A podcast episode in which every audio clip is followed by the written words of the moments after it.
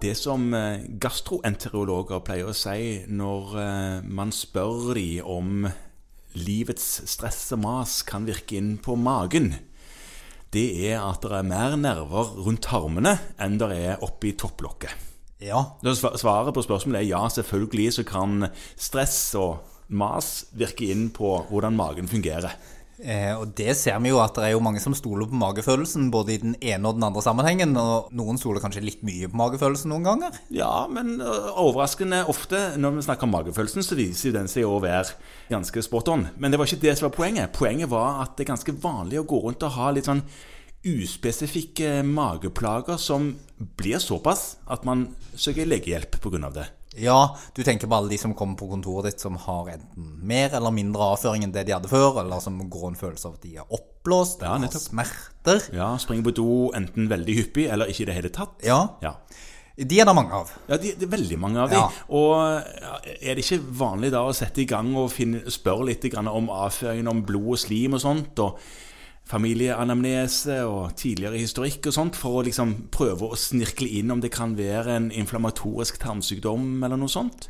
Jo, eh, primært så bør man da i første gang i- i- iverksette en utredning for inflammatoriske tarmsykdommer. Og, og litt sånn intoleranser og sånt? Allergier og intoleranser, og Ja. den vanligste, eller ikke den vanligste kanskje, men den, den viktigste allergien er jo kanskje glutenallergien.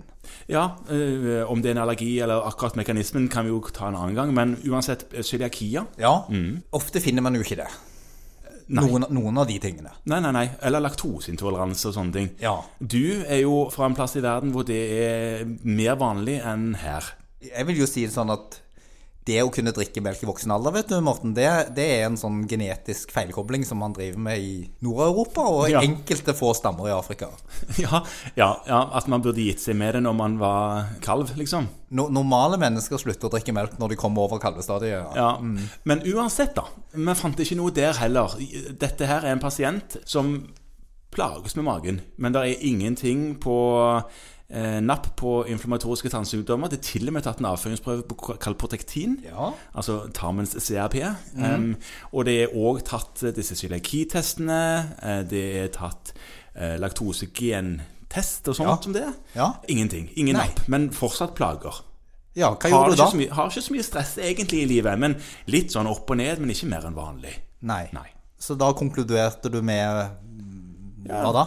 Dette, De kunne prøve litt sånn food map, og prøve, prøve å ekskludere litt forskjellige ting som de kanskje følte de reagerte på, men det var liksom ikke noe napp på det heller. Ble ikke noe bedre åkke som, så da konkluderte vi med at dette var nok en sånn irritabel tarmlidelse. Ja, og Ja. nå skal vi stoppe bitte litt, fordi at hvis man snakker om sånn irritabel tarm, så bør man slå opp, og så bør man si at det er ikke bare en eksklusjonsdiagnose. Nei, ok, så det handler ikke om å bare finne ut at det ikke er noen ting annet, og da er det dette? Nei? Nei det, det skal du gjøre først. Ok. Mhm. Men når du så har bestemt deg for at det ikke er noe annet, altså at det ikke er en organisk påvisbar sykdom, og at det ikke er noen sånne alarmsymptomer, at det kan være kreft f.eks., eller noe sånt, Ja. og at pasienten ikke har en ekstremt pressa psykiatrisk situasjon eller livssituasjon, Nettopp. så bør man da bruke noe som heter romerkriteriene. Roma, ja. Ja. Ok. Kan du lure på hvor de fant på det. Og da er det sånn, og det, dette handler litt om varighet, Ja. for da skal du ha hatt symptomer minst én dag i uken. Ok, i minst i løpet av de siste tre måneder, ok. og en totalvarighet på over seks. Å, ja vel. Ja, Så dette skal ha gått over tid, det skal være en kronifisert tilstand. Ja. Og i tillegg til det så skal du ha to av tre sånne primærkarakteristika, som er at det blir bedre når du får gått på do, Ok. eller altså og eller at det er forbundet med en endring i frekvens, at du går vesentlig oftere eller vesentlig sjeldnere enn det du gjorde før dette begynte, Mhm. og eller at det har endra seg i konsistens. Nettopp. Eller form. Ja. Eh, ja, for- dette er jo sånn de forteller om, stort sett. Alle Ja. disse her. Ja. Og, og, og jeg tror nok at ofte vil du finne ut at dette er absolutt til stede, men, men det kan kanskje være en reminder på godt norsk til oss alle Mhm. på å, å stramme inn litt, at vi faktisk ser at ja, det har vart så lenge, og disse kriteriene er til stede. ja. Greit. Men dette var romerkriterier, sa du? Mhm. Ja. Da har vi etablert den diagnosen. Og det, da er det disse rådene, da, med food foodmap, og det er noen apper du kan laste ned som vi har snakket om tidligere, for å prøve å guide deg i det som kanskje kan lindre litt. Grann. Ja. Men er det andre ting Altså eh, Er det andre medisiner de kan få? Eh, Jeg, har- jeg husker jeg har vel råda folk til å ta sånn sagmugg på boks, eller loppefrø, eh, eh, populært kalt. Altså visiblin. At de kan Ja. kjøpe det på apoteket. Ja, og der er det jo noe som Jeg vet faktisk ikke hvor nytt det er, men det dukket nå opp her. Eh, Det er på blå resept det er hvis du har stilt diagnosen irritabel tarm.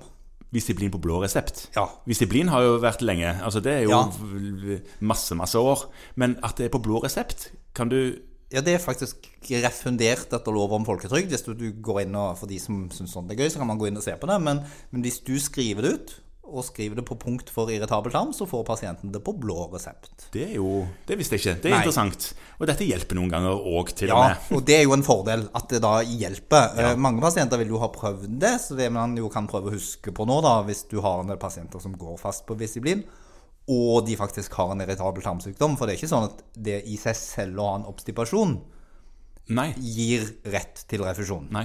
Eh, Men du må faktisk ha en irritabel tarmsykdom, du må følge disse kriteriene. Ja.